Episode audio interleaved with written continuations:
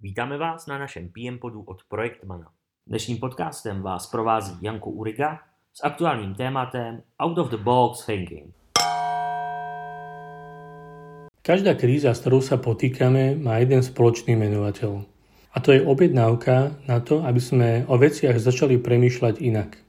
Kríza totiž zo dňa na deň zmení zabehnuté spôsoby fungovania, určité produkty alebo služby vzhľadom na okolnosti prestanú dávať zmysel.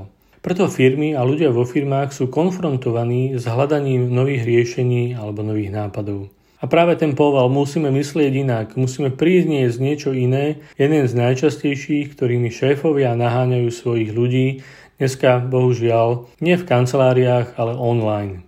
Mnoho ľudí však je hrdých na to, že na svojich nápadoch, myšlienkach pracovali roky, možno až 10 ročia a prinášali im nejaký úspech. Nakoniec mozog je sval a určitá stimulácia len v jednej jej časti vytvára návyk. Preto to nové myslenie je výzva. Je to mnohokrát až veľmi nepríjemný moment, ktorý musíme aktivovať tie úložiska ľudského mozgu, ktoré sme bežne nepoužívali. Čiže my síce logicky vieme, že máme začať myslieť inak, ale nevieme si pomôcť, ako toto kreatívne alebo inovatívne myslenie rozpohybovať. Dá sa to? Mnohí vám povedia, choď, kúp si knižku, sú tam návody, začítaš sa, nie je to zlé riešenie, zoberte však do úvahy priznanie jedného predajcu, ktorý hovorí o tom, že až 90% kníh, ktoré sa týkajú osobného rozvoja a biznisu, nebolo nikdy prečítaných. Popravde nie je to žiaden román ani detektívka, ktorú by ste hltali stranu za stranou. Sú to návody, ako meniť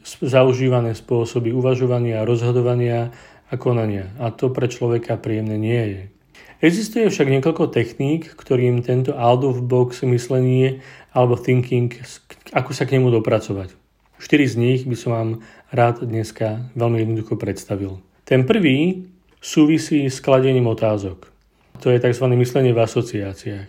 Ľudia, ktorí krásne dokážu hľadať iné perspektívy, majú tzv. daydreaming alebo denné snívanie a pýtajú sa otázku, čo keby. Čo keby A, čo keby B, nepozerajú sa na sled prekážok, ale na sled možností. Prekážky považujú len za taký prirodzený moment, ktorý mnohých okolo seba odradí, ale nie ich.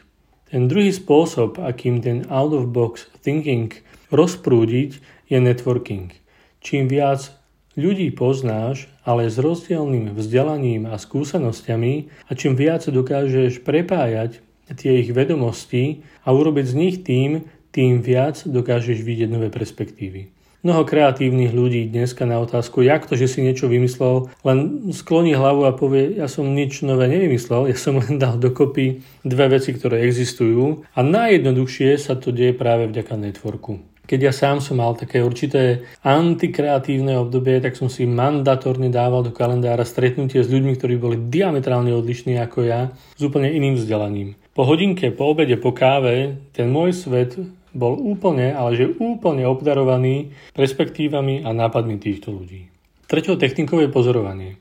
Pamätám si, keď som pracoval na jednom medzinárodnom projekte práve na takúto kulturálnu diverzitu, kde sme pricestovali do jednej z krajín, spomínam si veľmi živo na Estónsko, tak prvý deň sme mali tzv. bobrika mlčanlivosti. Sedeli sme na stanici, v kaviarni alebo len niekde na námestí a pozorovali sme ľudí okolo seba. Aj tým, že pozoruješ, ako ľudia konajú, ako myslia, aký jazyk používajú, ako gestikulujú, ako si vyberajú formy myslenia v určitých situáciách, je úžasnou inšpiráciou, ktorú si môžeme zobrať za svoju. No a štvrtá vec, tá súvisí s tým najpoctivejším v inováciách, a to je experimentovanie. Pravidlo inovácie hovorí, ak ťa to nebolí, tak neinovuješ. A podobne aj s experimentom. Ak v experimente neskúšaš vec, ktorá vyskúšaná nebola, tak nemôžeš potvrdiť, či je alebo nie je funkčná. Myslenie mimo krabicu, ako to je v preklade, je myslenie, ktoré sa dá naučiť. Podstatné je, aby tam bola konzistentnosť, aby sme vedeli kombinovať experiment s pozorovaním alebo s prepájaním na nových ľudí, na ten networking, ale najpodstatnejšie je, aby sme sa pýtali otázky, ako by mohol vyzerať svet, keby veci boli inak.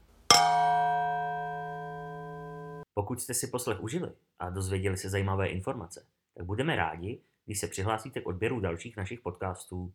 Mějte se fajn a užívejte.